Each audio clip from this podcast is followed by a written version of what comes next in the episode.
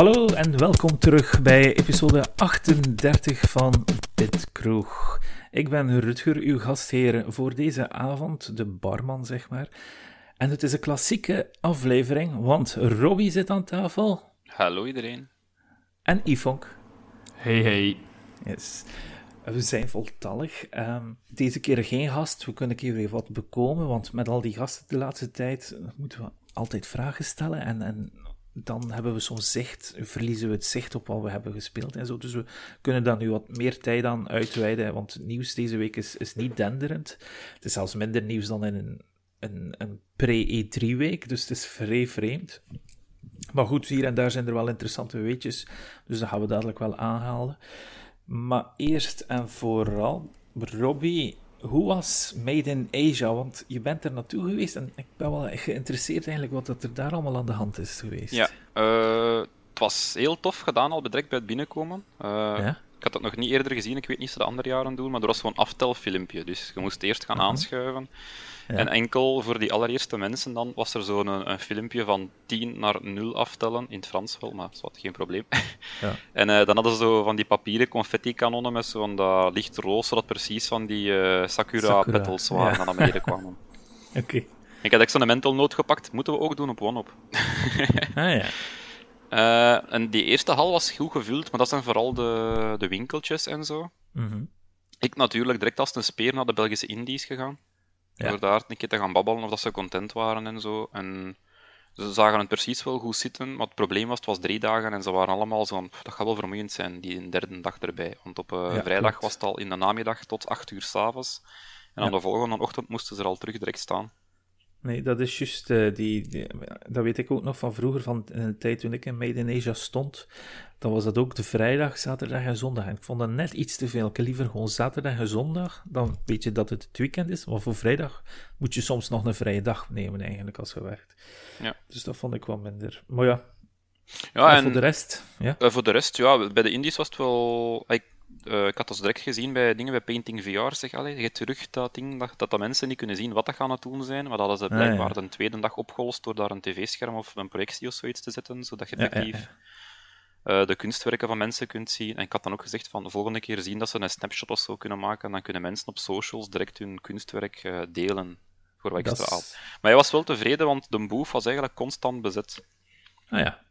En hij zei, uh, de zaterdag en zondag, en vooral de zondag, was bijna vooral, vooral kinderen. Zo'n ganse dag lang kinderen dat daar aan het schilderen stonden en zo. En dat, dat je eigenlijk... Hij het raar vond dat op de duur als verantwoordelijkheid om niet alleen uw spel te verkopen, maar ook die headset, want heel veel mensen hebben nog zeggen een Oculus Quest of iets in die aard. Uh, ja, om dat te verkopen. Eigenlijk. Ja, en er, eigenlijk is er geen enkele support van Oculus naar developers toe voor zoiets te doen, maar het komt er eigenlijk wel op neer dat bijna iedere VR-developer dat, dat VR-toestel ook mee moet verkopen met zijn game, want dat is vaak de allereerste keer dat ze dat VR-toestel in handen hebben op zo'n beurs. Just.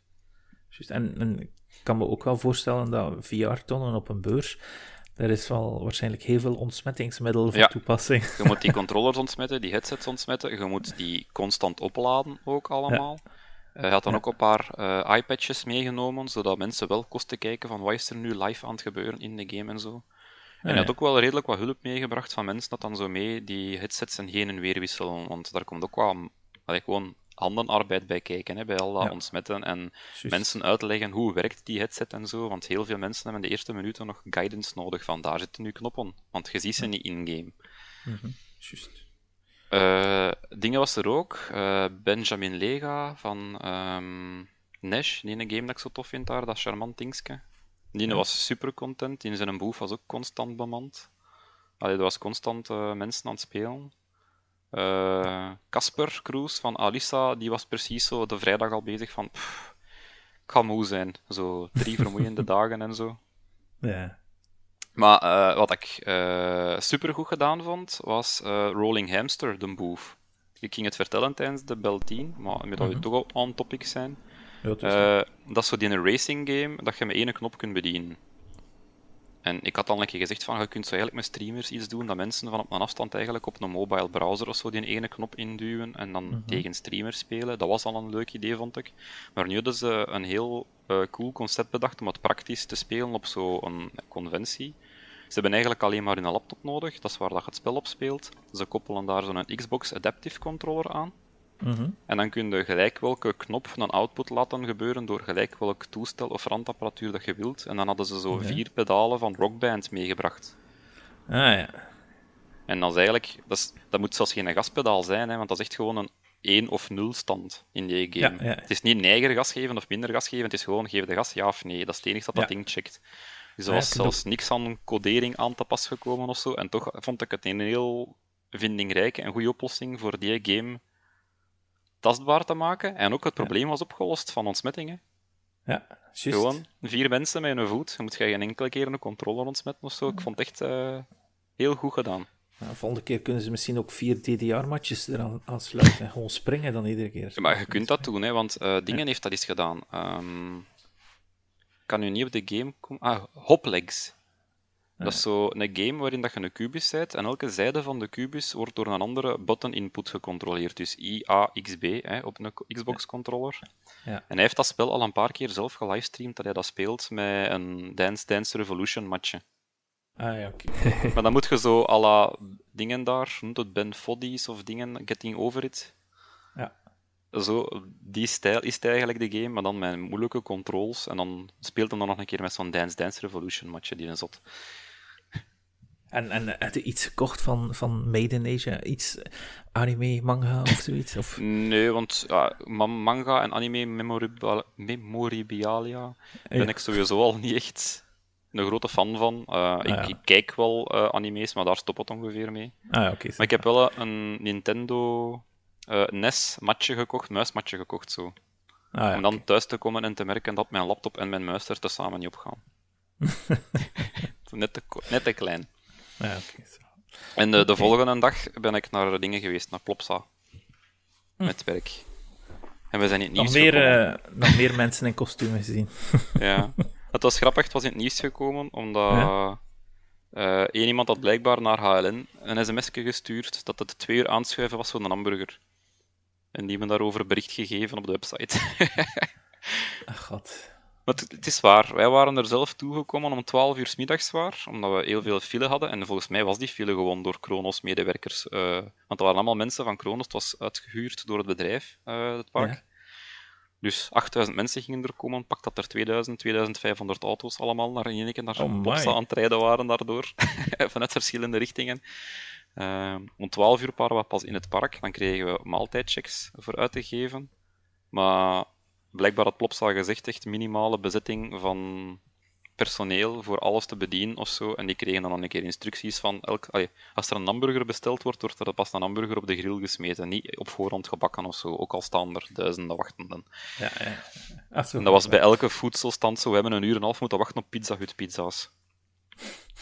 Want we moesten dan zo bestellen, per slice, eigenlijk. En ik zo, ja, twee stukjes pepperoni. En dan zitten ze zo twee stripjes trekken op papier. Zeg, meende het? Zeg, ze zijn nu aan het wachten tot er na mij nog twee mensen pepperoni bestellen, voordat die een pepperoni pizza besteld wordt voor in de oven te gaan. Ah, ah, Oh. oké. Je kost maar vier smaken kiezen. Zeg, maak er dan gewoon altijd vier, vier, vier. Zeg, wat is het ergste dat er kan gebeuren op het einde van de dag? Dat je één of twee pizza's te veel gemaakt hebt? Oh, wel, het is dan... Ja, nee, het is. Maar voor de rest toch nog wat attractiekjes kunnen beleven. Het was super druk bij u. Ja. Van, het ene, van de ene kant van het land naar de andere kant bijna. Dus, ja, mooi. Oké. Ik hoor een auto of zo op de achtergrond. Nee, dat is een wasmachine en centrifuge gaat bij Ifonk. bij- Ah. Bad timing. ja, nee, ik ken dat. ook. Alright. Ehm, Tim, hoe was Yes. jouw weken? Want ik kan geloven dat je het redelijk druk had. Eh, ik- ja, dat is ook de reden waarom ik een paar keer niet meegedaan heb. Is, eh, ja, we hebben dus een eh, bar en slash club Ja. geopend sinds 1 oktober. En daar is heel veel werken gekropen. Ja. Ehm, ja, zowel voorbereidend als de avonden zelf die heel zwaar waren. Dus, maar ja, het is nu achter de rug. En hopelijk gaat het nu alleen maar makkelijker en soepelder from here on out. Ik heb gezien dat je zelf nog moet draaien vrijdag. Eh, ik heb gedraaid, ja. Eh, Ah, va. vorige vrijdag, eh, ja, dat klopt. En, en had u eh, uw eh, typische Mario-t-shirt weer aan? Eh, nee, nee. Och. Ik had een Hopmonkey trui aan. Ah ja, Mijn excuses.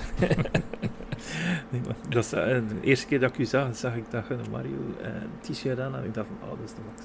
Maar ja, cool. Goed, maar daar ga ik hier over gaan wat we gespeeld hebben. Ik heb redelijk wat gespeeld, maar ja, anders ga ik aan de beurt gaan, want ik heb, uh, ik heb een OLED gekocht, een Nintendo OLED. En uh, ja, dus ik heb een Nintendo OLED gekocht, die nieuwe Switch. Dat scherm is super mooi, is super ja, fel. Ook die kleuren die springen eruit.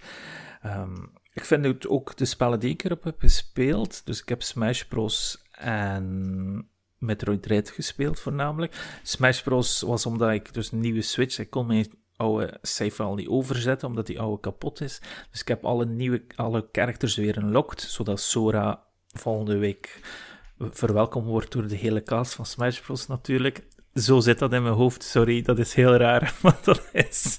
Ja, ik heb ze daarom allemaal unlocked, zodat Sora het mooie puntje is op uh, Smash Bros. Ultimate.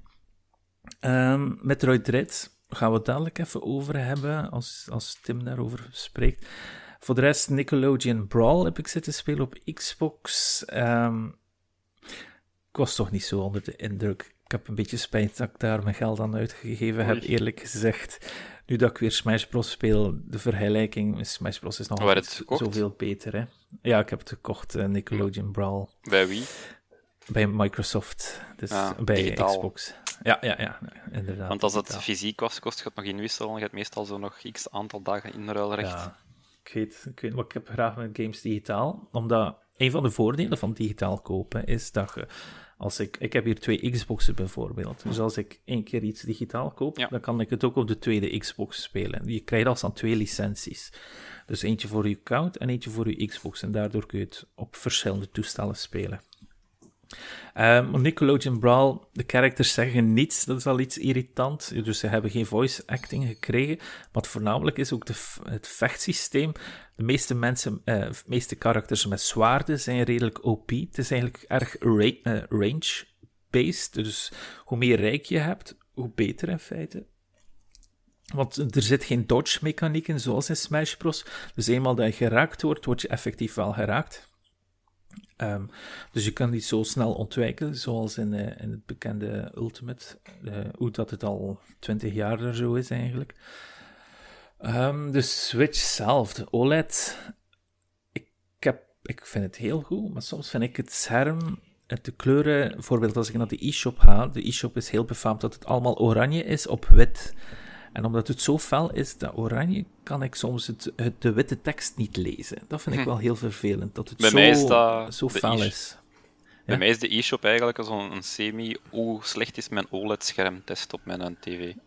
ja. Qua burn-in. Ah ja, wel, dus voor de rest heel, heel mooi. Hè. Dus, de, de, kleuren spetten ervan af. Ik heb nog de batterijduur, heb ik ook het idee dat die wel wat langer meegaat. Maar misschien is het omdat die nog weer vers is natuurlijk. Hè, dus dat er nog niet veel slijtage aan zit. Um, ik heb voor die witte gekozen. Die witte, die witte lijkt zo professioneel. Hij is zo mooi in dat wit toosje. Dus die stand die, die, waar de Switch in zit is ook wit. En die is ook wat, die ziet er wat, wat cooler uit, wat sleeker. Dus de witte Switch zelf. Ik heb ook een Xbox Series S gekocht voor 200 euro op Amazon. 222 euro op Amazon DE. En die naast elkaar, die zijn zo chic. En dan wou ik eigenlijk zo'n modern huis hebben, dat je ze zo kunt stellen. Maar mijn huis is wat meer huiselijker. Dus dat, dat, is wel jammer. Maar super cool. Ik ben echt tevreden. En, en Metroid, ja, super goed. Hè? En ik heb ook nog twee nieuwe games gekocht op de e-shop. Want anders, uh, ja, anders zou ik niet naar de e-shop zijn geweest. Dat is Axiom Verge 2. Die wou ik al een tijdje spelen. Um, ik heb de eerste uitgespeeld. De eerste had gigantisch leuke en mooie uh, sprites. Dus zo'n 8-bit Metroidvania was dat in feite. Dat was heel goed. Ik vond het einde ietsje minder. Dat verhaal op het einde ging ietsje meer naar beneden. Maar voor de rest was heel dat spel eigenlijk fantastisch. Uh, dus ik, ik wil dus de tweede zeker spelen. Ik heb die tweede ook al eventjes gespeeld. En ik weet niet of dat ik nu Metroid wil verder spelen of Axiom Verge. Zo goed vind ik Axiom Verge eigenlijk ook. Dus dat is een beetje lastig. Maar het spel dat nog meer leuker vind, blijkbaar, is Beastbreaker. En dat kennen niet veel mensen. Dat is ook zo'n kleine game die onder ja, tussen, de, tussen de vele e-shop releases is, is natuurlijk. Maar Beastbreaker stond erop, is een pinball RPG. En ik dacht, een, oeh, een pinball RPG. Je ziet er zalig uit, met dat muizen. Ja, ja, het is niet echt pinball. Hè. Het is eigenlijk meer biljart. Dus ik weet niet of dat jullie ooit zo uh, op die vroegere sites, like Yippie en al, zo even biljarten tegen elkaar hebt gespeeld. Dus dat je van bovenaf een biljart ziet en dan kun je zo biljarten. Maar het is eigenlijk dus, gewoon dingen, hè. Ja. Uh, ja. Het noemt Beastbreaker en het is zo die een... Ik kan op de naam niet komen. De Breaker game. Ah, er al eens. Ja? Nee, gewoon de, letterlijk de game waarin dat je zo onderaan die pedal hebt en je moet blokjes breken. Ah, ja, ja, ja. Arkanoid. Nee, Ar niet Arkanoid. Ja. Nee. Ja, dat is de ene van, maar er zijn er nog, hè. Ja, ja. Um, way Out. Wipeout op NES, ja. weet ik. Wipeout noemde het voor mij ook vroeger, maar dat is ook niet de originele naam. Nee, nee, klopt. Ja, er zijn er redelijk wat van namen. Maar ik snap wat je bedoelt. Maar eigenlijk ook niet. Het is echt gewoon, dat muisje is eigenlijk een biljartbal en eigenlijk moet je hem richten naar een bepaald lichaamsdeel van de monsters, die er wel redelijk hoek, hoekig uitzien. En als je meerdere keren, als je je angle goed zet, en je raakt bijvoorbeeld één deel, dan het andere deel, en dat kaatst dan net weer terug, dan doe je zoveel damage op dat deel van, van zijn lichaam, snap je? Dus je ziet ook overal getalletje staan, hoeveel health dat zijn parts hebben van die monsters. En, en de, de art van het spel zelf, de story, is heel cute. Het is heel mooi getekend. Ehm, die, die, die tekenaar daarvan, die verdient echt Ik voel mij dom. Eh, pluimen. Wat? Ik weet het terug. Breakout. Breakout, ja. Hey, Wipeout, maar Breakout. Het is gelijk. Wipeout is de racing game, of course. Ja, ja. En, en dat muisje, ja, die, die, die, die gaat dus zo in, zo van die, in die richting van wat dat je schiet natuurlijk. En, en en dan moet je proberen niet in hun aanvalsveld te zitten en zo verder. En voor 12 euro heb ik het gekocht en, en ik heb er uiteindelijk heel veel plezier mee. En ik, ik, wil het dadelijk zelf nog een beetje spelen. Dus, dus ja, het is echt wel een aanrader. Ik zag ook op internet overal dat het een goede 9 op 10 kreeg. Dus ik dacht van, ja, oké, als het zo eentje is die onder de radar wordt gevallen, dan wil ik die toch wel even spelen en misschien op de podcast noemen. Dus bij deze als jullie dat iets interessant lijkt, een RPG met, um, geen bil, uh, met biljartelementen, dan zou ik zeker Peacebreaker even een, een, een kans geven. Maar zeker eens opzoeken op internet, de art alleen al van dat muisje. Iets, iets, er is altijd iets die mij zo vangt. Als ik een muisje zie, ik, ik moet iets toegeven. Ik, als er één iets is waar ik heel veel schrik van heb, zijn het muizen. ik sta op een stoel als er een, muis, als er een kat binnenkomt met een muis. dus uh, dat is echt niet te doen. Maar, dat is bij mij wekelijkse kost. Nou ja, ah, wel. Ja, we hebben het vorige keer ook gehoord. um, maar, maar als het hier gebeurt, dan, dan ben ik helemaal boven en dan uh, heel ik als, als een. Uh, ja. Nou, we hebben nog niet zo heel lang geleden op jacht geweest achter een muis in onze kinderen hun kamer, oh. terwijl ze alle twee aan het slapen oh. waren. Oh ik deed die kamerdeur dicht voor te gaan slapen en ik zie zo... Zeg, hè? En dan heb ik ze nog achter een muis gezeten midden in de nacht. Die twee kinderen zijn niet wakker geworden. En gewoon zo'n plastieke zakje in een van de hoeken van de kamer gelegd, opgejaagd en die is erin gelopen en dan ze naar buiten okay. gebracht. Oh, hij moet dat vast... Oh, het zakje nog vastpakken. Oh. Maar ja, wat gaat een muis doen? Ja, dat wil je zelfs niet bijten. Ze. Ik weet het, ik weet het. Ik heb, ik heb geen schrik van slangen of van spinnen of zo. Dat zou ik allemaal buiten zetten. Maar muizen, om een of andere reden, dat schrikt mij zo. Oh, ik weet het niet. Dus van jongs af aan, denk ik. Um, ja, dat is het ongeveer. Smash Bros. Ultimate is veel beter dan Nickelodeon Brawl. Ik zeg altijd, ja, ik gaf Nickelodeon en Brawl een kans. Maar uiteindelijk, als, als je volwassen bent en je kan meerdere consoles kopen, kies dan gewoon voor Smash Bros. nog altijd, zou ik zo zeggen. Goed. Dat was wat ik ongeveer heb gespeeld. Robbie, ja. heb jij... Uh, ja? Um, vooral hetzelfde als vorige week. Dus nog altijd in Hot Wheels Unleashed aan het spelen. Toch nog een race of drie per dag. Want ik ben er redelijk ja. aan verslaafd. En ik wil oh, de game 100% uitspelen. In hoeverre dat het mogelijk gaat zijn. Want de... ik, heb al, ik heb al gezien dat veel sites ook het een 9 op 10 geven. Ja, ik heb het ook een 9 gegeven in mijn score. Hmm. En het is dat zeker waard, want ik zit zelfs in mijn top 3 van arcade racing games, denk ik, ondertussen. Oké. Okay. Het is echt zo goed. Het is uh, heel tof gedaan, visueel heel mooi. Um, ik, ik denk ook nadeel dat het... Ja, zeg maar. het enige nadeel dat ik eraan kon vinden was, je hebt zo'n ganse singleplayer campaign en dat dan de races daarin een beetje te vaak herhaald worden. Ja, ja. Ik denk gewoon ook dat het voornamelijk een gemis is van dat genre. Zo'n beetje arcade race eh, op het gemak. Een beetje serieus. Niet Ja. te serieus, ja. Ja. Een beetje wacky design, want dat vind ik altijd zo jammer. Hè. Je hebt dan zo van die auto's, je ziet duidelijk de stats bij elke auto voordat je ermee begint te racen. Mhm. En dan zie je zo van, van die twee nieuwe coole auto's, dat er to- toch gelijk dinosaurussen of zo uitzien, of gelijk die ene dat er gelijk een haai uitziet. En eigenlijk wilde daarmee racen, maar die zijn dan zo de helft slechter als uw beste Ah, wagen. En dat is van. En dan vooral bij die... Je, je hebt twee soorten races, gewoon racen tegen andere auto's en time races. Maar in die time Ja. races moet je het echt niet in je hoofd gaan halen van iets anders te pakken als je snelste wagen, want ik moet nu al foutloos rijden om de, de snelste tijd neer te zetten. Maar Hot Wheels is eigenlijk ook beschikbaar op alles, heb ik gemerkt. Ja. hè. Dus dat is, ja. Op de Switch, PlayStation 4 en 5, Xbox, PC, het is op alles beschikbaar. Cool. En het heeft eh, local splitscreen, wat ik altijd een meerwaarde vind. Want als een racing game dat niet aanbiedt, dan krijgt dat direct een minpunt voor mij. Eigenlijk volledig, een volledig punt eraf op 10. ik vind dat een genre dat je moet kunnen samenspelen op de bank, ook al komt het er in de praktijk tegenwoordig weinig van bij mij, maar ik wil zo'n game uitspelen op mijn alleen en dan geïnstalleerd laten op mijn toestel voor als er een keer vrienden afkomen en een keer gewoon een paar races tegen elkaar willen spelen. Maar dat dat gaat dus met hier, met twee mensen. Hm. Ehm, dan ook veel Far Cry 6 gespeeld. De, de hoop dat ik dat ga uitspelen slinkt met de dagen, want dat is gewoon zo'n gigantisch grote game. En binnen een paar dagen is er weer al een gigantisch grote Ubisoft game Riders Republic dat uitkomt. Juist. En ja, ik bijzeg dat ik een keer mijn, mijn verstand op nul ga moeten zetten en echt zo puur het zo duidelijk op de map de grote sterkes-icoontjes zijn. Dit is story mission en eigenlijk daarvoor gaan en de rest een beetje negeren, denk ik. Maar dat is zo moeilijk als je zo 15 andere icoontjes dat aan het pinken zijn om je aandacht van. Oh, Ja. Ik kan 400 meter stappen naar de next objective, of ik kan 50 meter stappen naar die kist dat daar op mij een kortere afstand ligt. Ik zal vlug dat doen, maar dan zit een chain reaction vertrokken van en nu is dat dichter, en nu is dat dichter, en nu is dat dichter. En voordat je het weet, zijn het weer aan het spelen geweest en heb je geen enkele sidequest of mainquest gedaan, maar gewoon zo collectibles te verzamelen. Hmm. Ja. Maar sommige mensen vinden dat erg. En dat is van, oh nee, Far Cry 6 heeft het wiel weer niet heruitgevonden. En ik denk altijd van, ja, het is Far Cry 6, wat verwachten Ja. Dat is, eh, Far Cry 6 kun je een beetje vergelijken met een FIFA. Hè. Ja, Het komt ieder jaar tegenwoordig al terug en je weet wat je kunt dan verwachten. En voilà. het verkoopt zodanig veel. Die mensen die dat kopen, die weten wat dat ze verwachten en ze zijn daar content mee. Dus dat, bij, bij FIFA zeggen ze ook niet van, oh dat is jammer, ze hebben deze jaar een keer niet elf spelers tegen elf spelers elk in een rolstoel gezet of zoiets. Ja. Voilà. En dat is misschien een beetje de kant waar de Far Cry op gaat. Ehm, is dat positief? Maar ik, ik valt, voor de op... reviewers niet. Nee, ah, wel, is- de reviewers...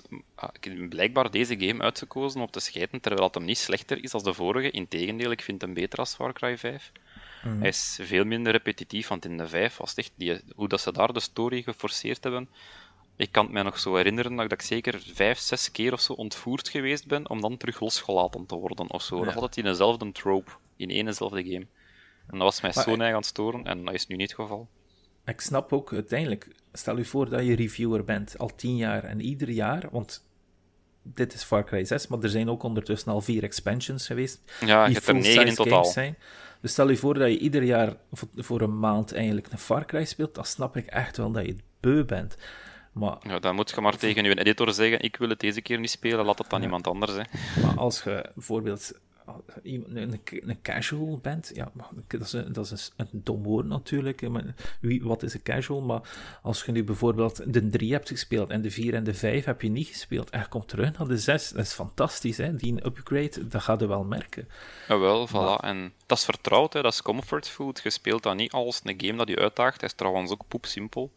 Ja. Ik heb de difficulty al moeten opschroeven, gewoon om een beetje challenge te hebben. En eigenlijk zit dan gewoon je speeltijd aan het verlengen, want dan zijn de vijanden grotere bullet sponges. En dat is ook niet plezant. Dus ik heb het dan terug naar het gemiddelde gezet.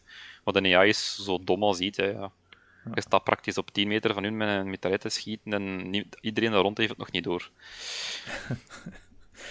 Maar ja, dat is zo'n een, een numbers game. Hè. Dat is eigenlijk gewoon een, een spreadsheet spelen dat je doet, Far Cry 6. Maar dan op een leuke manier. Zo gewoon allemaal ticking the boxes. En nu heb ik nieuwe wapens, en nu heb ik nieuwe gear, en nu heb ik nieuwe collectibles. En houdt je eigen daarmee bezig. Maar En er moet zit af en zijn. toe wel iets leuks in, zoals dat hondje in zijn, in zijn stoeltje, of die een krokodil, of weet ik veel wat. Dus dat zijn allemaal leuke dingen wat je ook Het internet was wel iets- kwaad op de hanen. Er is ook een hanengevecht in, Ah, ja. à la Tekken. Juist. Ja. En de animal cruelty daarin kunnen de meeste mensen niet waarderen. En ik snap van waar dat ze komen, maar tegelijkertijd zit het wel in een game waarin dat je op weg naar de hanengevecht 60 mensen met een machete neergestoken hebt. Dus Ja, ja, ik weet het. Maar ik heb daar gemengde gevoelens bij, want ehm, stel nu voor dat er 0,1% van de mensen die Far Cry 6 speelt, ik zal eh, gewoon dan zeggen van, die hanen vind ik wel cool. Ehm, ja, misschien dat ik daar meer ook iets in, in de privé ga naar kijken, of die, die industrie gaan steunen.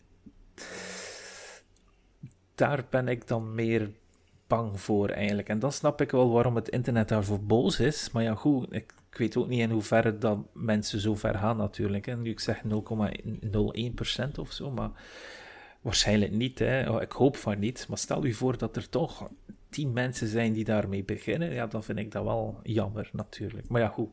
Waarschijnlijk is dat mijn fantasie die op hol slaat. Waarschijnlijk gebeurt dat niet, maar, maar ik weet het niet. Dat is het voornamelijk. Dus dan- ik kan wel snappen ja, waarom dat mensen daarover klagen dan natuurlijk. Ja. Als eh, andere game ben ik terug Bullets per Minute beginnen spelen, nu dat die op Xbox Ja. uit is. Eh, Ik was daar een jaar geleden super grote fan van op PC. Ook al was ik er heel, heel erg slecht in. Ja, ik ben nooit voorbij de derde baas geraakt. Eh, ik heb het wel altijd op mijn computer geïnstalleerd gelaten met de hoop van ooit keer ik daar een keer naar terug en dan ga ik dat masteren en dan ga ik het wel uitspelen. Nu dat op Xbox uit is, heb ik die een hoop verschuiven van nou, ik ga het wel op Xbox uitspelen en ik ben Ja, nog ja. met moeite aan een tweede baas geraakt. Zo de eerste nog maar twee keer kunnen verslagen. Wel, die zijn tells al door, maar ja, die is ook gewoon... Met basiswapen duurt dat even. Toen Eh, Bullets om het per even minute... uit, ja, om het Ja? even uit te leggen, dat is die een game dat je alles op het ritme van de muziek doet. Dus Ja. het is een first-person shooter met zo'n beetje Doom-stijl, alles ziet er rood uit.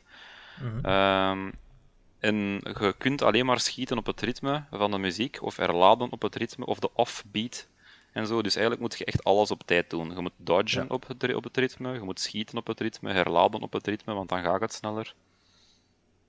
En dat is een redelijk grote mindfuck, want als je een uur lang bullets per minute gespeeld hebt, en als dan zo'n game, ja, dat is een ding, een roguelike, hè, dus je gaat redelijk rap dood en je probeert opnieuw en hoopt dat je betere upgrades krijgt de volgende keer Mhm. om een beetje verder te geraken. En als je dan na een uur bullets per minute in één keer Far Cry 6 speelt, dan merk ik van mijn eigen op dat ik zo probeer te dashen en te schieten op het ritme van de muziek nog altijd, dat ik dat niet kan loslaten. Ja, ja.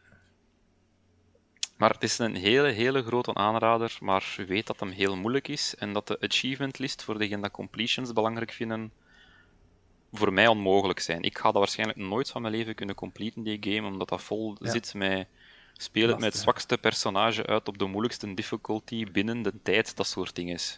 Dat zijn zo letterlijk allemaal achievements met 0,03% van de mensen heeft dit. Nu, nog een keer een vraagje over Far Cry 6. Hebben ze de bal niet misgeslagen door het niet tokken te noemen? Ik heb die grap ook proberen maken in mijn. tuurlijk. ehm, maar dan snapte ik dat niet. Tok, tokken, dat, dat snappen wij alleen, want een kip Ja. tokt. Maar dat, Ja, vertaalt ja. niet naar het Engels, dat is. Ja.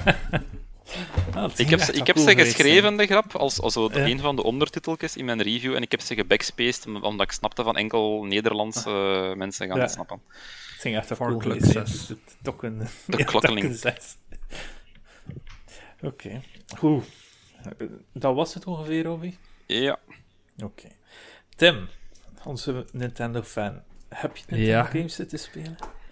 Ik heb eh, letterlijk het enige dat ik gespeeld heb is Nintendo games. Ehm, Ik heb het dus, ja, zoals gezegd, heel druk gehad. Maar dit Mhm. weekend keek ik heel hard uit naar eh, Metroid te spelen. Dus ik had mijn zondag eh, vrijgenomen. Alleen is mijn game niet gearriveerd vrijdag, ook niet zaterdag. Heb ik dat pas vandaag toegekregen. Dus heb ik eh, ja, zondag WarioWare ehm, uitgespeeld, dat ik nog steeds had liggen. En, en, Ehm. en was het de schuld van de post, of, of heb je geen idee? Geen idee. Het is gewoon niet gearriveerd. Normaal, eh, ja, het is Amazon France waar ik eh bestel dat. Ehm, ja, normaal gezien, dat vertrekt vanuit Charleroi en heb je dat dan ook dezelfde dag. Maar nu was het dus niet zo. Als Ehm, je, als je kijkt op je doos, hè, dat is een tip voor, eh, of, of, van, de, van ik ben postbode, als je kijkt op de bos en er hangen twee oranje stick, rode sticker, nee, paarse stickertjes erop, dan weet je dat uw pakje in heraanbieding is geweest. En dan kun je ah. misschien zeggen van, godverdomme. ik, ga dat, ik ga dat straks stiekem bekijken. ja, uh, maar dus ermee heb ik gisteren, uh, ja, dus zondag uh, WarioWare Get It Together uitgespeeld. Um, ja. ja. ik vond het heel, heel tof. Ehm, ik, er waren, ik weet dat er online wat kritiek was en zo, maar ik vond hem eigenlijk alles, hij gaf mij eigenlijk alles wat ik van een WarioWare verwacht. Ehm, ik vond het ook grafisch heel leuk. het blijft een wirwar van stijlen en van de meest onverwachte dingen die opduiken. Ook het uh, spelen van plotseling dat je zo uh, als endlevel uh, een Mario, een Super Mario World level moet spelen, maar dat mijn ventje daar een ganz andere moveset en zo heeft. Ja, ja allemaal van dat soort kleine leuke dingen. Um, maar vandaag heb ik dus in deze middag en vanaf dat ik gedaan had met werken tot nu Metroid Dread te spelen. Ja. Ehm, net als jij, Rutger. Ja, um, ja, en ik vind hem heel goed. Ik had uh, een beetje schrik vooraf, toen ze hem aankondigden in juli. Um, ik denk omdat die vorige uh, van Mercury's team, ja, dat dat niet per se de top developer is. Hè.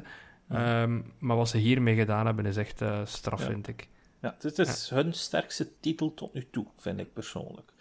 Dus van, van die studio. Ja, Samus bestuurt supergoed. Het is mhm. echt, uh, de moveset is heel goed. Het is 60 frames per second, dus uh, alles draait ook heel vlot. De overgang van 2D naar 3D plotseling terug naar 2D is ook super ja, soepel. Ja, ja. en, ehm, dan zie je zo Samus staan en, en oh, zo ongelooflijk cool dat ze is op dat moment. Ja, ja, ja echt badass. en um, de muziek is heel goed. Eh, ik speel het met mijn hoofdtelefoon en dan, dan ja, alle geluiden die je hoort en zo. En, en, en de muziek, zo die van die hele trage lo-fi synth-muziek die dan toch wel aanzwelt op momenten dat het spannend wordt. Ja. Uh, en de segmenten met de EMI's, uh, ja, die, die zijn echt uh, heel spannend. Op het moment dat je er zo door een segment door moet, voelt je echt die spanning als, dat robotding plotseling achter u zit en u gans die wereld door achtervolgt. Ja. Ja. Ik zit nog niet heel ver, want ik heb nog maar een paar uurtjes kunnen spelen. Ik denk twee uurtjes of zo kunnen spelen. Maar alles wat ik al gespeeld heb, vond ik... Uh, Fantastisch. Ja, ik, zit, ik zit een uurtje verder, denk ik. Dus ik ga niet de upgrade vertellen wat dat, wat dat er daarna is. Maar uiteindelijk is het wel wat moeilijker aan het worden. Dus ik ben al een paar keer dood gegaan op bepaalde stukken. Uh, oh, maar ik ben ook al veel gestorven. Ah ja, oké. Ehm, en, en ja, dat vind ik oké. Omdat het ook zo heel snel teruglaat. Dan vind ik sterven ook niet erg. Als het heel snel teruglaat en je kunt gewoon de acties opnieuw proberen, dan leert je gewoon uit je fouten en dan... Uh, en als je sterft, dan, dan start je soms niet zelfs op een savepunt. Dan start je soms net een level daarna. En dat vind ik ook wel fijn. Dus dat er een soort van autosave is, ook al heb je niet gesaved, om het zo te zeggen. Ja, dus dat vind ik Klopt. heel positief. Ehm, ja, ja, ik ben echt onder de indruk. Dus uh, ik hoop dat we een Metroid uh, nog een volgende mogen uh, verwachten. Hè? Een 2D dan uiteindelijk. Voor mij, van de niet-indie games die ik gespeeld heb, denk ik dat dit voorlopig mijn godie is. Maar ik ben nog niet zeker. Maar denk het wel. Ja, ja dat snap ik. Of het maakt er toch kans toe, ik zal het zo zeggen. Er zijn wel een aantal indie games die mij nog harder hebben kunnen capturen. Maar tot nu toe, allee, ik, vind, ik vind het echt heel straf. Dus, uh... ik moet uiteindelijk nog het volledige uitspelen voordat ik zo'n beslissing kan maken. En vooral bij, bij een Metroidvania. Zoals ik eerder zei, Axiom Verge 1 vond ik heel goed tot het einde toe. Er was daar iets in het verhaal dat ik helemaal niet fijn vond en, en dat ik meer had gewild. Um, dus uh, ik hoop dat Metroid Dread daar niet zijn... Uh, draadje laat vallen, weet ik veel. de bal laat vallen. ja. Dus, maar we gaan wel zien. En uh, ik, ik, ben echt wel benieuwd wat het spel nog gaat geven. Want blijkbaar zitten er nog gigantische speciale zaken in. Waar we de volgende keer waarschijnlijk wel over gaan hebben. Wat ik ook tof vind is, um, ze teasen zo al helemaal van in het begin dat er overal plaatsen zijn waar je eigenlijk, ja, je weet dat het is Metroid met de morphball kan komen. Mm -hmm. uh, maar je krijgt die natuurlijk nog helemaal niet. dus eigenlijk zit je constant te denken, ah, hier kan ik nog in, en hier moet ik onthouden dat ik nog in kan, en hier moet ik nog doorgaan. Maar ja... en waarschijnlijk duurt, het, duurt het wel een tijdje voordat je hem krijgt. Dus, uh... Ik heb wel het gevoel dat ik heel snel door het spel ga, om een of andere reden. Dat, dat ik niet, dat ik echt, na, na een paar uur, dat ik al heel ver zit, dat ik al in een ander gebied zit of zo. Dus dat het toch wel uh, heel rap gaat om een of andere reden. Ik heb, ik heb geen idee hoe dat, dat komt. Ik uh, dacht dat iemand op onze Discord zei dat hij er 12 uur over had gedaan. Ja, juist. Voor het volledige. Dat, dat, zou ik een, ja, dat zou ik een mooie speeltijd vinden. De How Long to Beat stond op 8 tot 10, dacht ik. Maar dan echt puur voor ja. de game uit te spelen. En ik denk dat de gemiddelde speler wel een beetje langer bezig is met zo extraatjes te zoeken. Ja, en, en weet je toevallig, Tim, of dat het einde ook zo is? zoals in Metroid, Super Metroid geweest, aan het hand van hoeveel uur dat je erover hebt gedaan, dat je bepaalde eindes hebt, of heb je, heb je weet je daar nog iets van? Ik heb het, ik heb het niet opgezocht, omdat ik ah, ja, zo wat unspoiled wil... Ja. Uh, ja. Ja, dat, maar ik weet dat er meestal een, een, een, speciale eindscène erbij is als je completionist uh, ja. doet. Hè. Dus, uh, ja, vroeger was dat in Fusion, dat je Samus zag zonder pak of zoiets zeker. Of was dat de Super Metroid? Oh, het is al lang geleden, dat allemaal. Ja, ja. Oké, maar goed. Dat is ongeveer wat we hebben gespeeld, zeker. Dus dan gaan we overgaan naar het nieuws. Moeten we nog een keer een jingle voor hebben. Nieuws, nieuws, nieuws. Goed, eerste nieuwtje. En het een van de enigste nieuwtjes eigenlijk van PlayStation Xbox gerelate, bijna. Want er is amper nieuws, zoals ik al eerder zei, is iets van Grand Theft Auto. En ik herinner me dat Tim de vorige keer er nog heel positief over was, dus ik schuif het naar Tim toe. Wat was het over die Grand Theft Auto? is er ja, was sowieso al bijna iedereen uh, al enkele maanden zegt, komt er dus een Trilogy Definitive Edition ja. uh, uit. Uh, voor zowel current gen als next gen, allee, basically op alles. Uh, wat ik dan ook speciaal vind, uh, is dat het op Switch uitkomt, wat dan ook wil zeggen dat dat de eerste keer is dat die 3D uh, GTA-games op Switch uitkomen. Ja. Um, dus allee, dat toont toch wel, er wordt vaak gezegd van ja, Nintendo heeft niet altijd support, nee, maar nu krijgen ze wel voor de eerste keer dit soort games ook. Uh, zelfs al zijn het oudere games. Um, en uh, ja, dus de bevat Grand Theft Auto 3, de Vice City en San Andreas. Um, het enige dat ik zelf wat bizar vind, is dat ze hebben het nu eigenlijk al twee keer zo half announced en dat er nog niks van visueel getoond is.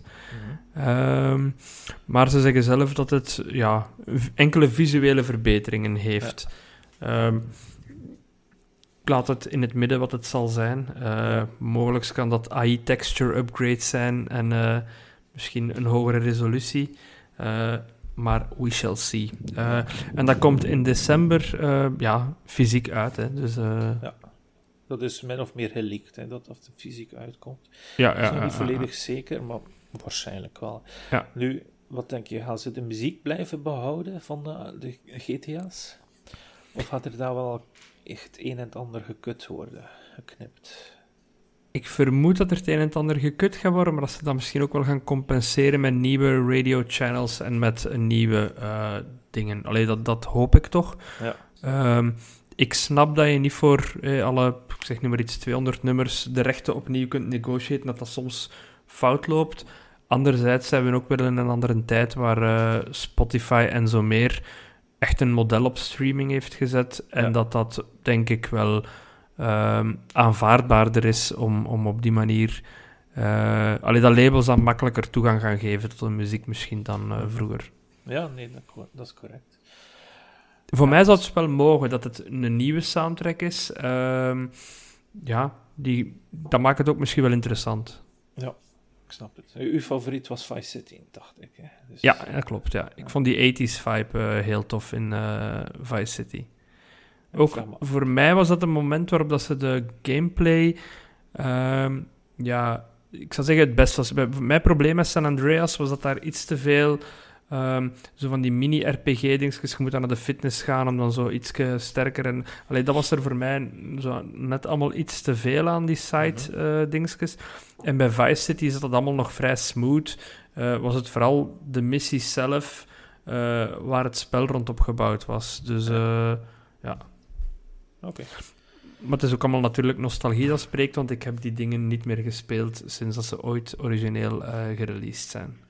Ja. ja, maar uiteindelijk gaan er een hele hoop gamers nu komen die die spellen gaan spelen, die nog nooit eerder hebben gespeeld natuurlijk. Hè. Want de laatste GTA is ook al tien jaar te vinden in de Ja, ja zeker en vast. Zeker en vast. Dus uh, dat wordt wel interessant. Ja, en tien jaar, ja, stel je voor van 10 tot 20. Ja, godsnaam, dat gaat snel. Oké. Okay. Dus PlayStation hebben we niets gevonden bijna van nieuws. Sorry, PlayStation-liefhebbers. Xbox ook één nieuwtje, maar het was niet het grootste nieuwtje. Mm, maar misschien kan Robbie daar ietsje meer over vertellen. Ja, uh, ze hebben een controller geleased om de 20ste verjaardag te vieren. Jij. Die ziet er wel mooi uit, maar ja. Ik heb al controllers ja. genoeg, dus ik liep er niet meteen warm van. Nee, nee en ze hebben ook al de, micro, de, de, de, Master Chief controller aangekondigd. En dan nog een, een nog Master Chief controller Elite die ik heel graag zou willen, maar die ik nergens ga vinden natuurlijk. Ja, en die Master Chief of die Halo uh, Xbox Series X, die gaat ook neig in demand zijn. Want ja, die was overal aanschuiven en chance hebben en waarschijnlijk al door scalpers maal drie de prijs op internet gezet. Ja, ik heb, ik heb eigenlijk daarnet om een, om een domme reden gezocht naar de duurste Xbox Series X die verkocht werd op eBay. Omdat, ik, uh, omdat er een wedstrijd online was van Nickelodeon Brawl om een speciale Xbox te winnen met de skin van uh, Michelangelo of een skin van SpongeBob. SpongeBob ja. ja. En ik zeg op de, op de Discord, omdat die dan natuurlijk voor waarschijnlijk 5000 euro gaat verkocht worden, want dat is een unieke console natuurlijk, afhankelijk of het echt een sticker is of niet. Um, maar dan wilde ik kijken of dat er al effectief Xbox Series X zijn die verkocht werden die uniek zijn. Niet, maar die Xbox Series X van Halo, die pre-order werd wel verkocht voor 1100 euro ongeveer. Dus mensen geven effectief, ja, dat is, dat is echt jammer. Um, ja, het is goed voor die gasten die misschien daar een, een centje aan verdienen. En triestig natuurlijk, maar misschien hebben ze het wel nodig. Dat kan altijd, dat ga ik niet zeggen. Maar het is, ja, het is, het is, het is, het is spijtig uiteindelijk hè, voor, de, voor de echte fan die dat niet kan hebben natuurlijk. Maar ja goed, de echte fan heeft er blijkbaar dus nog altijd 1200 euro voor over. Dat is meer dan het dubbele natuurlijk. Hè. Dus dat is echt uh, pijnlijk. Ja, en die ja, ik denk dat deze controller, die ga, de controller zelf gaat readily available zijn, denk ik. En dat is ah, zo'n beetje het mat zwart doorzichtig, van dat doorzichtig schijnend plastic, wat ik toch wel soms leuk vind, maar niet per se een must vind. En met van de groene afwerking. En tegelijkertijd is er ook een uh, Razer headset dat je kunt kopen met dezelfde kleurtjes. Hmm. Ik vind dat nu even over een over Xbox. Ik vind eigenlijk dat Xbox. Ze hebben, deze generatie zijn ze goed bezig met Game Pass en hun consoles. Maar ik vind dat hun controller ook wel een update had nodig gehad. Ja. Eigenlijk. ik vind het nog altijd een heel goede controller. Maar als je de DualSense vastgehad hebt en je hebt dan die. De games dat er echt gebruik van maken, dan voelde dat ja. gemist toch wel, ja. Absoluut, dat vind ik ook. Uh, Natuurlijk wel met de optie om het te kunnen uitzetten, want die triggers die terugduwen op PlayStation zijn heel chic. Maar in bepaalde games, zoals een, een FPS-game, kan dat natuurlijk wat uw aim beïnvloeden op het einde van de dag.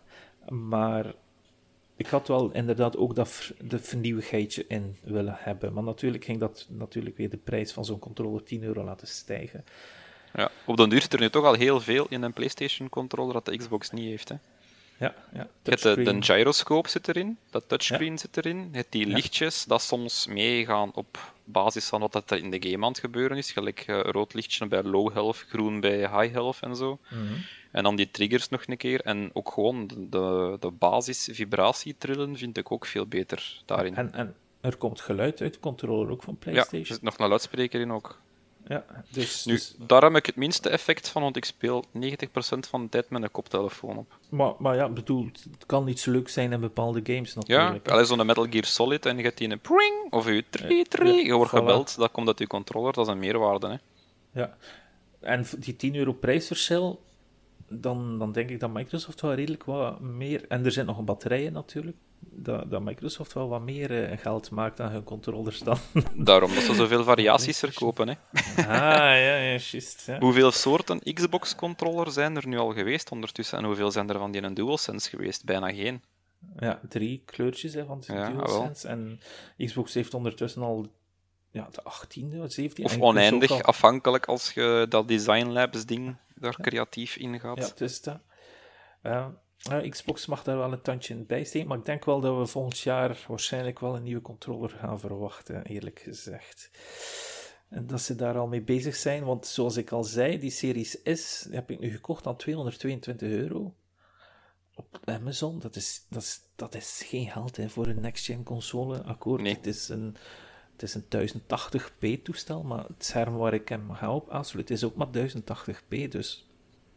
Dus ja, waarom niet? Hè? Het zit inderdaad maar een halve terabyte in, maar aan de andere kant, ja, het is ook maar voor een paar spellen erop te zetten. Dus eh, Ja, Ja. ik heb ook getwijfeld trouwens om eentje te kopen recent, maar dan dacht ik van, ik heb hier nog een Xbox One X eh, Scorpio Edition staan, ik ga dat gewoon als mijn indie device gebruiken en ergens anders op aankoppelen. Dat kan ook Ja, de meeste dingen nog deftig draaien. het is ook voor mijn Xbox One X te vervangen, omdat hij al... Ik had voornamelijk heel vervelend in die Ascent dat hij niet mee kon met mijn series vrienden. Hij, kon dat Ja. spel niet aan. En dat, Plus- daarom... Geen quick Vervangen. resume. Ja, Je mist het al. toch, ze? als je Ja, het niet hebt. dat zegt. Ja, ja. ja, de console, zoals ik zei, is perfect. Ik vind het een hele goede console. De controller iets minder. En, en nog eens over die Series S aan 220 euro. Er zit ook een controller nog eens in hè, van 50, 60 euro. Dus dat was geen geld. Dat vond ik, dat heb ik niet laten liggen. Daar heb ik niet getwijfeld. En nu ook met die emuleerbare machine die erin zit. Dus je kunt blijkbaar, als je ietsje de illegale tour op wil gaan, kun je hem in dev mode zetten, je Xbox. Xbox doet daar ook niet lastig mee. En dan kun je blijkbaar via, ehm, via bepaalde emulators, ik ben de naam vergeten, maar kun je... Ja, Maar ik, ik, alles- hoor u wel al een bruggetje bouwen. Ik hoor, ik hoor Ja, ook een brug. ik weet het, Ik zo goed, boormachine, bakstenen. Ja, dat is een brug. Ehm, maar dat de Xbox een perfecte emuleerbare machine is voor PlayStation en zo verder. Ehm, dus dat is interessant natuurlijk. Hè. En, en over emuleren gesproken. Daar is hem. Ehm, ja, dus de, eerst en vooral, opeens op het internet zegt Kotaku, maar nog andere websites, dat Metroid Dread volledig emuleerbaar is op PC in 4K. Dat wist ik, dat weet ik. Sommige vrienden van mij doen dat ook, eerlijk gezegd. Ze kopen ook wel het spel, maar dan laten ze die sealed om het zo te spelen. Daar ben ik perfect van op de hoogte. Ik vind dat sites daar eigenlijk geen nieuws moeten over maken. Want als je, als je bijvoorbeeld zou gaan naar een filmsite, hè, een filmsite gaat ook niet zeggen van James Bond kun je nu ook op 4K downloaden op een, een, een, een of andere website. Dat doen die ook niet, ze, hè? ze wisten het ook wel al te goed wat dat ze aan het doen waren. Want Ja, ze zeggen in hetzelfde artikel, en als dat Nintendo of in lawyers dit lezen, negeer het dan maar. Knipoog, knipoog. Dat is wel heel kinderachtig. Maar is dat niet gewoon de clickbait van, van Ja. gaming nieuws? Allee, bedoel, iedereen weet dat. Je hebt emulators van, Ja. eh, van Switch. van- Elk game dat uitkomt, ga je kunnen spelen in 4K. Allee, Mhm. bedoel, ja, dat weet je. Ehm, maar ja, dat is clickbait om daar dan telkens een artikel over te schrijven, denk ik. Maar het is, het is raar dat het nu plotseling zo opkomt, want toen dat met, eh, Mario in het begin van het jaar gereleased was, die was ook perfect emuleerbaar op 4K. Hè? Dat is... eh, en, en, en WarioWare ook, hè? Ah, wel, het staat. Dus wa- waarom moeten ze per se Metroid Dread daarin in meesleuren? Dat vind ik een beetje vervelend. Terwijl dat de meeste spellen eigenlijk emuleerbaar zijn op van Switch Yuzu uit. Dus ik vind het een beetje jammer dat, dat plotseling dat naar boven komt op verschillende websites. Ik vind niet dat daar eigenlijk nieuws over moet gemaakt worden. Ik weet niet hoe jullie daarover tegenstaan, of jullie dezelfde mening daarover hebben, maar ik vond het een beetje, ja, een beetje flauwtjes. Ik zag het artikel, inderdaad- ja, ik Ja. zag het artikel en ik dacht echt direct van, oh, clickbait. Ja. Ja, inderdaad. Maar goed, Zo Metroid... kennen we onze Kotaku weer. ja, het is veel veranderd sinds... Oh, het is eh, heel veel veranderd sinds de dagen van Kotaku. Maar er was dus ook leuker, leuker Metroid-nieuws. Eh, Ja, het, gaat, het, is- het heeft al heel veel over Metroid gegaan, eh, deze podcast. Ehm, maar volgens insiders Emily Rogers, ehm, die terug actief is op forums, want er is een nieuw forum voor Nintendo-fans en dat is Famiboards. Ik zal dat eventjes kort vermelden. Okay. Ehm, maar dus Emily Rogers post daar terug op, want die heeft heel lang uh, forums afgezworen. Um, maar ook door ah. Jeff Grubb, dus twee, twee insiders toch wel, die al in het verleden um, serieus van Nintendo nieuws gebracht hebben, en Jeff Grubb ook ander nieuws. Uh, die zeggen nu dat, dat het plan van Nintendo om de Metroid Prime Trilogy als een package uit te brengen, ja. dat dat eigenlijk uh, ja, in 2018 verdwenen is en dat ze eigenlijk Metroid Prime 1 uh, door Retro Studios als een remaster uh, zijn laten beginnen maken. Dus in voorbereiding van Metroid Prime 4 mm -hmm. zou dus uh, ja, Prime 1 uitkomen als uh, een remaster remake. dus met dezelfde gameplay, maar wel met nieuwe models en textures. Oeh, oh, dat wist ik helemaal niet. ja, ja, dus um, Hmm. Veel meer als, als dat zo vooraf zeiden van... Ja, zoals, je hebt eigenlijk bij Nintendo twee soorten remasters. Hè. Ofwel is het gewoon in HD gezet en that's it. Ofwel is het toch wel allee, een meer uitgebreide... Uh, ja, hetgeen dat ze eigenlijk bij, bij Sony een Bluepoint remake zouden noemen. Eh, dus, uh, en blijkbaar zou dat later zijn. Heeft uh, Retro, Retro Studios daar drie jaar aan gewerkt. En zou dat heel binnenkort aangekondigd worden. Ja, oké. Ja, ik vind het dan wel jammer dat de 2 en de 3 er niet in gepakt zitten. Wel, daar zit, daar zit het ding van. En waarschijnlijk komen 2 en 3 als gewone remasters uit op een later moment. Okay. Uh, ja. Dus, uh, maar het zou zo wat de bedoeling zijn om naar aanloop van uh, Metroid Prime 4, wat toch een, een heel groot project zou zijn, om eigenlijk ja, wat, wat wat hype te creëren. Wat ze nu al met Metroid Dread voor een deel hebben.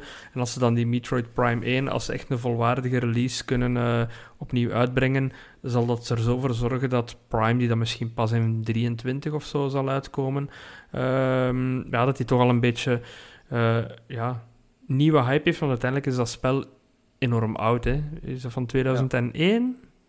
Nee, 2003, 4, ik weet het niet van buiten. Ja. Um, ja, begin Gamecube-periode. Dus het is, het is, echt wel al een, eh, een ouder game. Uh. En, en, waar valt Metroid Prime op de timeline van Metroid? Of is dat een, een gesplitste timeline, zoals in Zelda? um, de Prime-reeks heeft inderdaad sowieso zijn aparte tijdslijn. Ah, ja, ja, ja, dus je hebt eigenlijk de Prime-reeks en die speelt zich volledig af tussen de het is, het, is, het is wel complex, zoals alles bij Nintendo. Het speelt zich volledig af tussen de originele Metroid en Metroid 2. Ah, oké. Dus alle Prime games spelen zich daartussen af. Um, ja, het is, allee, op dat vlak, je kunt daar verder over uitweiden, maar dan wordt het al heel complex, denk ik. Ja, maar Zelda um, heeft de, de, bekende ook splitse Of is het, zijn het drie timelines bij Zelda? drie, drie timelines. Drie, timelines. Dus ja, bij Metroid zijn er blijkbaar ook al misschien twee. Afhankelijk wat dan Metroid Prime 4 gaat zijn. En bij Metroid valt het eigenlijk wel mee. Het is meestal zo dat er een secret einde is. En het secret einde toont wat er echt nog daarna gebeurt. Ja. Dus die, die, maar eigenlijk denk ik niet dat daar een splitsing in de tijdslijn is, of toch niet waar ik ah, mij bewust van ben. Uh, er is maar één tijdslijn, maar in de, als je telkens een volledige completionist run doet van, van de game, ja. krijg je gewoon nog extra cutscenes die al dingen verklappen van ja, voor eventueel de volgende.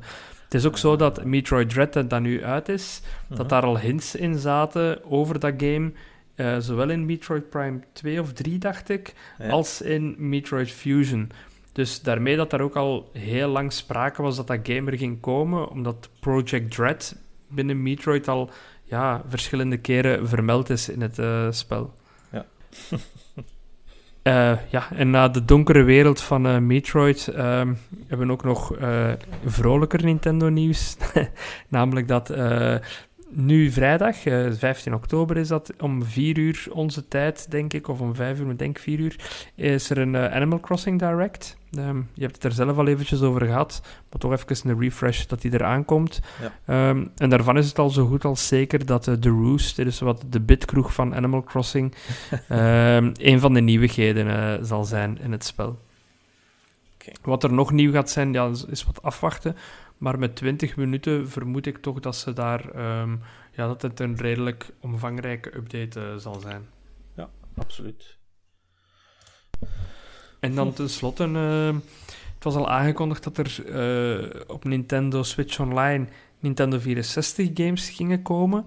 En vandaag heeft uh, Nintendo ook geconfirmeerd dat die ook voor Europa de standaard de 60 hertz uh, NTSC-versies zullen bevatten. Ah, um, ja, want dus, dat is voor mensen die het niet weten of die toen nog niet uh, een leeftijd hadden waarbij ze veel games speelden, is het zo dat de PAL-versies, dus de Europese versies, altijd uh, trager waren dan de Amerikaanse versies. Niet omdat ze dachten dat de Europese gamers dat niet aankonden, maar gewoon omdat het tv-systeem in Europa destijds, dus PAL-tv's, dat bestaat nu niet meer, maar dat die eigenlijk uh, ja, een tragere refresh rate hadden. En vandaar die games werden geprogrammeerd, zodat die mooi die refresh rate volgden. En dus hadden, die vaak, uh, ja, hadden wij vaak tragere versies. Ja. Uh, wat heel grappig is, want daardoor zijn ook sommige soundtracks in Europa trager dan de soundtracks van diezelfde classic ja. games die ze in de VS hebben. Klopt. Interessant. Ik ben eigenlijk wel aan, aan verrast met die Nintendo 64 aankondiging van Nintendo geweest. Dat die de expansion pack gaat heten, is natuurlijk wel wat minder. Dat vond ik een, een, een, een, een jammere naam. Uh, de prijs weten we nog altijd niet wat dat het gaat verhogen. Nee, nee, nee. Maar die controller wil ik wel hebben. Kost gaat 50 euro kosten. Uh, ik, ik ben eigenlijk wel aan. Dus nu dat ik weer die Switch heb, heb ik mij ook ingeschreven bij uh, Nintendo Online natuurlijk. Hè. Een jaar voor 20 euro is het geen Kost niks, hè? Ja, nee. En ik ben eigenlijk wel aangenaam verrast van de NES en de SNES-titels die erop staan, eerlijk gezegd. Er staan ondertussen heel veel titels op, hè? Ja, ja en, en uiteindelijk vind ik het meer dan ze geld wel waard zijn. Die 20 euro voor wat dat, dat geeft. Die Tetris 99 niet te vergeten. Pac-Man 99 zit er ook tussen. En dan heb je nog Pokémon Unite, die dan ook kan spelen natuurlijk ik vind dat eigenlijk allemaal wel positief uiteindelijk. Voor die 20 euro al die klassieke titels spelen. En ik heb direct Mario Bros. Eh, Super Mario World gespeeld. Even. Even om nog een keer het, het bekende trommelgeluid te horen als, als Yoshi erin zit. Dat is de max. Dat vind ik altijd oh, zo cool. Maar, en, en dus zondag heb ik gebar zitten barbecuen, wat ribben in een barbecue gesmeten. En dan is, is Jurassic langsgekomen. En dan hebben we gewoon hier op de Switch hebben we Kirby Golf zitten spelen. Ik had het nog nooit gespeeld. En, en hij heeft gewonnen, maar ja, het is eigenlijk ook wel een fantastische titel dat ik ontdekt heb. En uh, ja, gewoon, dat is nog altijd toffe feiten. En die Switch is nu zo sterk genoeg, vind ik persoonlijk. Dat scherm is zo fel genoeg om hem gewoon even te zetten. Want die stand daarachter, is veel steviger. Hè? Dus je kan hem nu ook mooi gewoon plaatsen en gewoon samen gamen. Het is, uh, ja, het is echt fantastisch. Het, uh, het, is zeker de moeite. En ik verlang eigenlijk ook naar de Nintendo 64 titels en vooral Zelda. Hè, dat gaat. Oh. Oeh, om nog een keer Ocarina of Time, de classic, te spelen. Dat wil ik. Oké. Ja, en, en die Mega Drive is dan ook nog een mooie extra die er daar ja, hadden. Ja. Ja. ja. de titels daar zijn niet van de minste. Uh, ik vind het wel jammer dat we de 6-button niet krijgen in Europa. Mm, mm, mm, dus in Japan krijgen de, de... Je kunt blijkbaar de controller ook, maar dus de Nintendo 64 controller en de Sega controller kun je niet kopen in de winkel. Dus kun je enkel kopen op de Nintendo Store. Dus, dus dat je moet inloggen op de website om ze te kopen, dan krijg je ze toegestuurd. Dat vind ik een beetje jammer. Dus dat je ze niet bij de Game Mania of zo gaat kunnen vinden, dat vind ik wel ja, vervelend. En dus die, die Japanse Nintendo, uh, die Japanse Sega controller ga je dus ook niet vinden in, in de winkels. Hè. Dus die ga, ga je moeten kopen via iemand die al iets gekocht heeft, die natuurlijk die resale-waarde wilt opdrijven, natuurlijk, die er ook zijn centje aan wil verdienen. Dus die gaan heel onmogelijk zijn om aan te komen. Dat is, ja, dat vind ik wel jammer. Dat is, uh, hm. is niet goed over nagedacht. Waarom dat ze in godsnaam Europa en Amerika drie knoppen hebben gegeven voor Sega in de plaats van zes, Ja, dat is vervelend. Bizar, ja. ja. En weet je welke game dat ervoor gezorgd heeft dat de, de zes knoppen uitkomen van Sega? Nee, maar ik denk dat je het nu gaat zeggen. ja, dat klopt. dat is Street Fighter. Dus Capcom had, ah, zo, ja. had een gigantische ja, eh, invloed in die tijd. Hè. Uh, ook op Nintendo hebben ze heel veel invloed uitgeoefend, maar dus ze hebben Sega een zesknop ja, laten maken voor hun game Street Fighter in feite. Want zoals je kijkt naar een stick, dat zijn ook zes knoppen. Hè. Ja, ja, ja. Dus, dus uh, op die manier hebben ze dat uh, aangepakt. Ja. Low, mid, high kick en uh, low, ja. mid, high punch. ja, ja, voilà, daarmee. Dus, ja, dus misschien gaan we Sega nooit zien hè, op Mega Drive. Die gaat dan enkel uitkomen voor de SNES, wat waarschijnlijk wel het geval is. Dus dat is, wordt wel interessant. Goed. Maar dan gaan we Robbie nog een keer de beurt geven hè, om te spreken. het is niet uh, zo'n uitgebreide belt nu. Ah, oké, okay, Maar toch, hè, we gaan uh, het muziekje wel de eer aan laten doen. Natuurlijk, als ik het hier heb.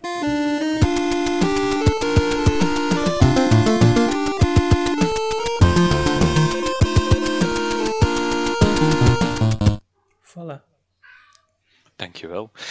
Uh, ik ga beginnen met een nieuwe game die uitgekomen is recent. Um, ik heb Bart Bonte al een paar keer aan bod gebracht, vooral met de Belgian Game Awards, en dat hem een paar keer mhm. genomineerd was ook. Uh, met zijn games zoals Pink, Green en Words for a Bird. En vandaag is hem er al met een nieuwe game en die noemt Sugar. Uh, de vorige games waren een woordspelletje of zo kleurencombinaties dat je moest doen. Dus het ganse scherm uh, roos of groen verven. En ja. nu zit er een beetje meer ehm, physics-based puzzling in. Uh, zo verschillende sugar cubes dat je moet door vormpjes schetsen en dat je opdrachten mee moet doen. Mm Dat is uh, zoals gewoonlijk gratis te downloaden op mobile voor mensen die een keer uh, op de wc zich willen amuseren of terwijl ze aan het aanschuiven zijn ergens in een rij of zo. En zijn monetization erachter zit dan achter de ads uitschakelen of de, de nee, hints vragen liever, dat je zo kunt verder raken in de game. En uh, nog nieuws, maar het is nog niet uit, het gaat pas volgend jaar komen, maar het is net aangekondigd geweest. Uh, onze vrienden van Lugus, de makers van Midnight Protocol en Liftoff, hebben een nieuwe DLC aangekondigd voor die laatste, voor Liftoff Drone Racing. Hmm. Uh, je hebt waarschijnlijk wel die filmpjes gezien op YouTube of zo, waar dan een drone een, een high-speed, high-powered car probeert achterna te zitten en door onmogelijke constructies, gelijk gebouwen en bruggen en zo, en tunnels volgt dat het er wel spectaculair uitziet. En ze gaan dat nu ook in de game inbouwen. Ah, dus een van de challenges gaat dan zijn dat jij die een drone zijt, je hebt een auto dat een track volgt en jij moet die dan in beeld houden. Ah, ik vond het wel een heel toffe uh, insteek en ik had er echt van, ja, als dat uitkomt, ga ik mij toch opnieuw de game installeren en nog eens uittesten. Ja. Maar dat is wel mijn waarschuwing erbij, dat is geen game dat makkelijk bestuurt. De drone, Liftoff Drone Racing versie, dat is die dat voor consoles uitgekomen heeft, heeft wel mhm. redelijk wat handholding erin. Dus je kunt zo uh, auto-level laten doen en zien dat je niet makkelijk over kop gaat en zo. Dus daardoor wordt het eigenlijk een beetje een gewone racing controle. Maar als je dat niet hebt en je gaat echt zo voor de realistische drone controls, dan eindigt dat bij mij meestal na drie seconden op de grond. Of in een boom. Of... het is zelf ooit met een echte drone ook gevlogen? Uh, nee, en dat lijkt ah, mij ook verstandig. Als ik zie hoe dat ik de digitale versies direct crash.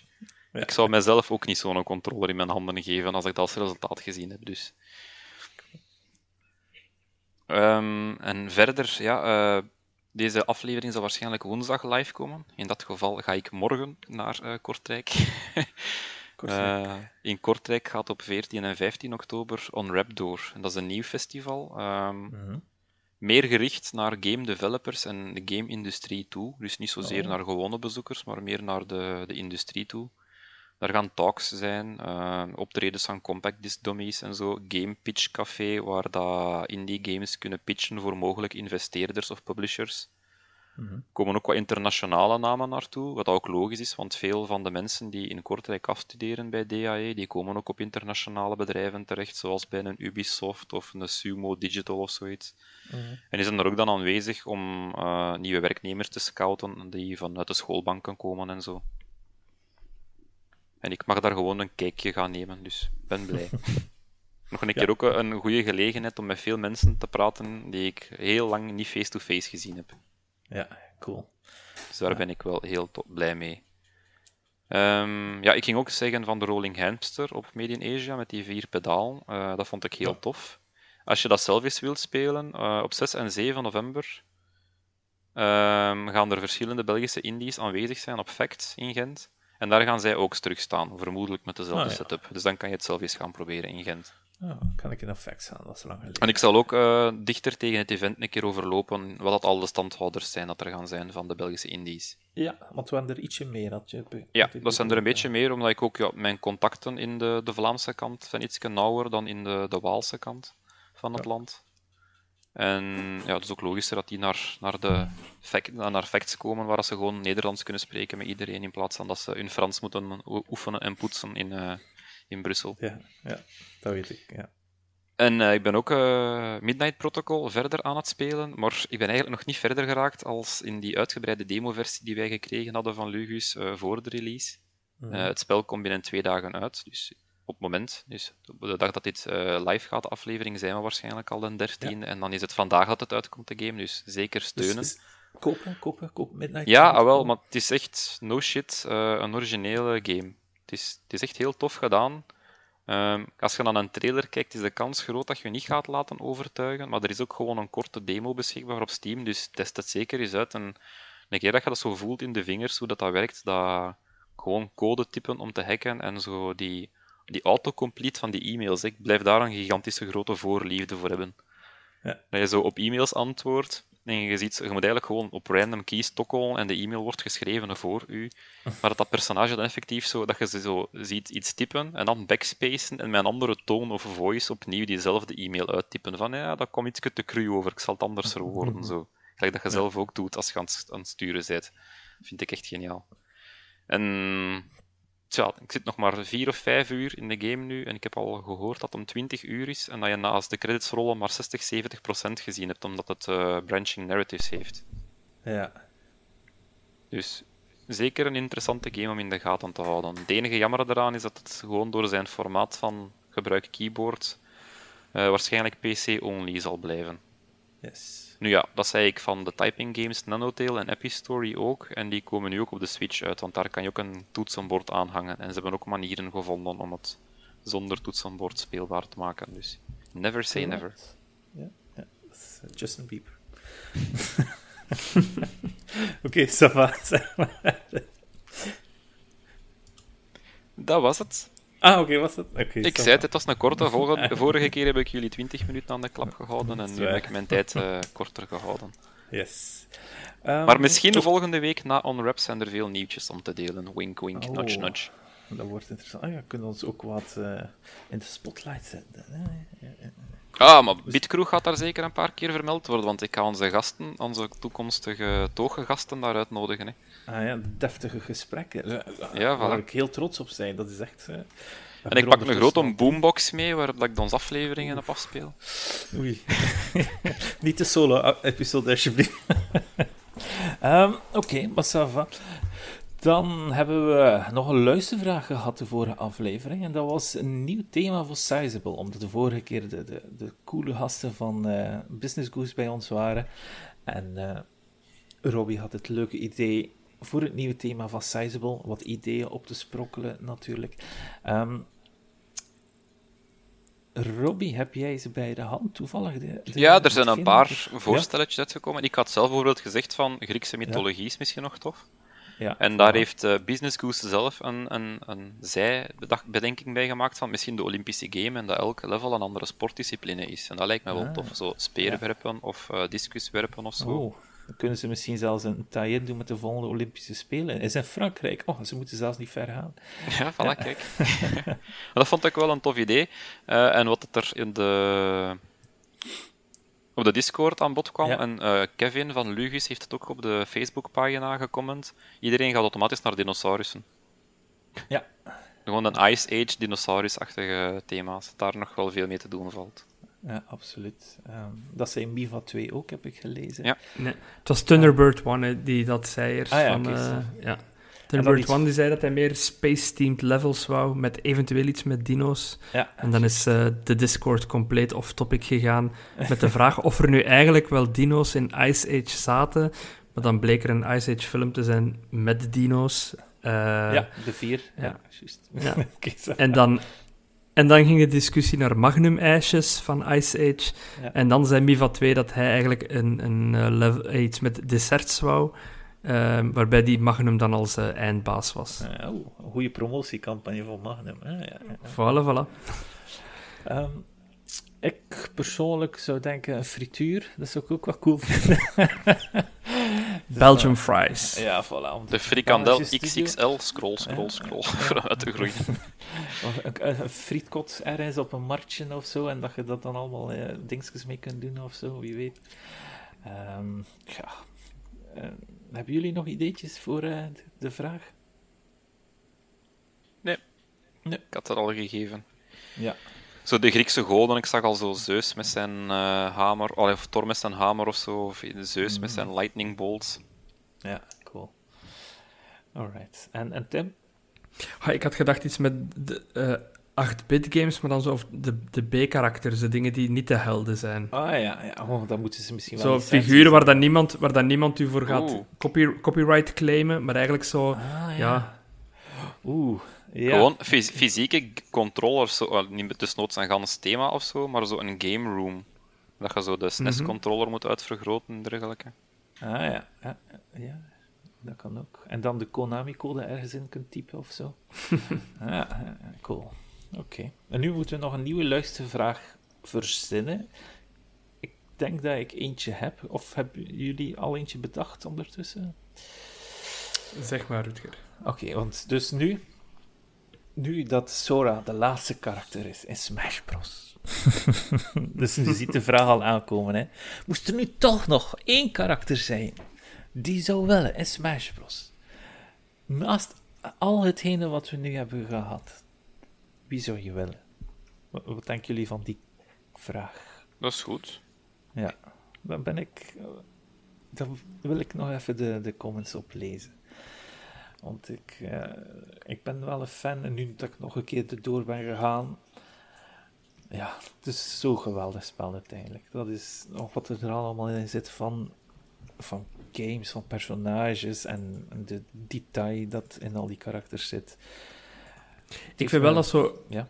Zo, eh, de Nickelodeon Brawl en zo, dat soort clones, toont ook wel hoe moeilijk het is om zo'n game echt goed te krijgen. En echt, allee, Ja. volledig... eh, ik weet dat ook Sony het al geprobeerd heeft om zo een, een, Voilà. een Smash Brawler-achtig iets met franchises te doen. Ubisoft Maar- ook, met, met de Ja. Turtles Brawl op een gegeven moment. Het is toch minder evident dan je zou denken, denk ik, om, om een game zo goed te krijgen en zo ineen te puzzelen dat alles ge- ge- gebalanceerd is. Ja. En ook nog eens in, in een bepaalde stijl zit, want die karakters die zitten nog allemaal in een soort van Nintendo-stijl plotseling. Eh. Die passen er ook allemaal ergens nog wel in, vind ik persoonlijk. Zelfs Sephiroth, die, die hartstikke eh, ja, grof is in feite, maar die, die, die, die, die, die zit er gewoon tussen. Hè, en, en dat is gewoon de max. Dat vind ik ja, nog altijd erg onder de indruk van, van heel het roster. En eh, ja, ik- welk, ja, welk karakter zou je nog een keer willen als toch nog één DLC zou bijkomen van Smash Bros? Wat zou het zijn? Goed. Ik heb geen quiz voorzien. Dat moet ik nog een keer weer werk van maken. Ik kan een keer weer wat quizjes opmaken. Misschien moeten we eens gewoon één volledige quizaflevering doen met wat mensen van de community. Dat lijkt me ook wel eens leuk. Mhm. Zodat we eens weten wie dat de slimste bitkroeger is. Misschien we daar Eh, eens werk van nodig ik. Erik van Looy uit voor te presenteren? Oh, of, nee. eh? Ja, stel je voor. Nee, het zou wel eh, speciaal zijn. Eh, heel veel flauwe humor. Oké, goed, maar dan gaan we stoppen. We hebben weer een uurtje vol kunnen praten. En zelfs wel meer, dus ik ben heel content met de aflevering. Zijn er nog dingen die jullie willen meedelen toevallig? Nee, niet direct. Oké, voilà. Oké, maar dan gaan we afsluiten. Ik ben Rutger. Je kan me volgen op Twitter op @rutgerknudde. Dit was Bitkroeg. Bitkroeg kun je volgen overal, eigenlijk enkel op Twitter en op Facebook. Eh, op Bitkroeg uiteraard. Robbie, waar kunnen ze jullie jou vinden? Mij vind je overal als je zoekt achter Bloody Good Reviews. Yes. En Tim, ons eh, het e-funk of het e-funk DMD. voilà.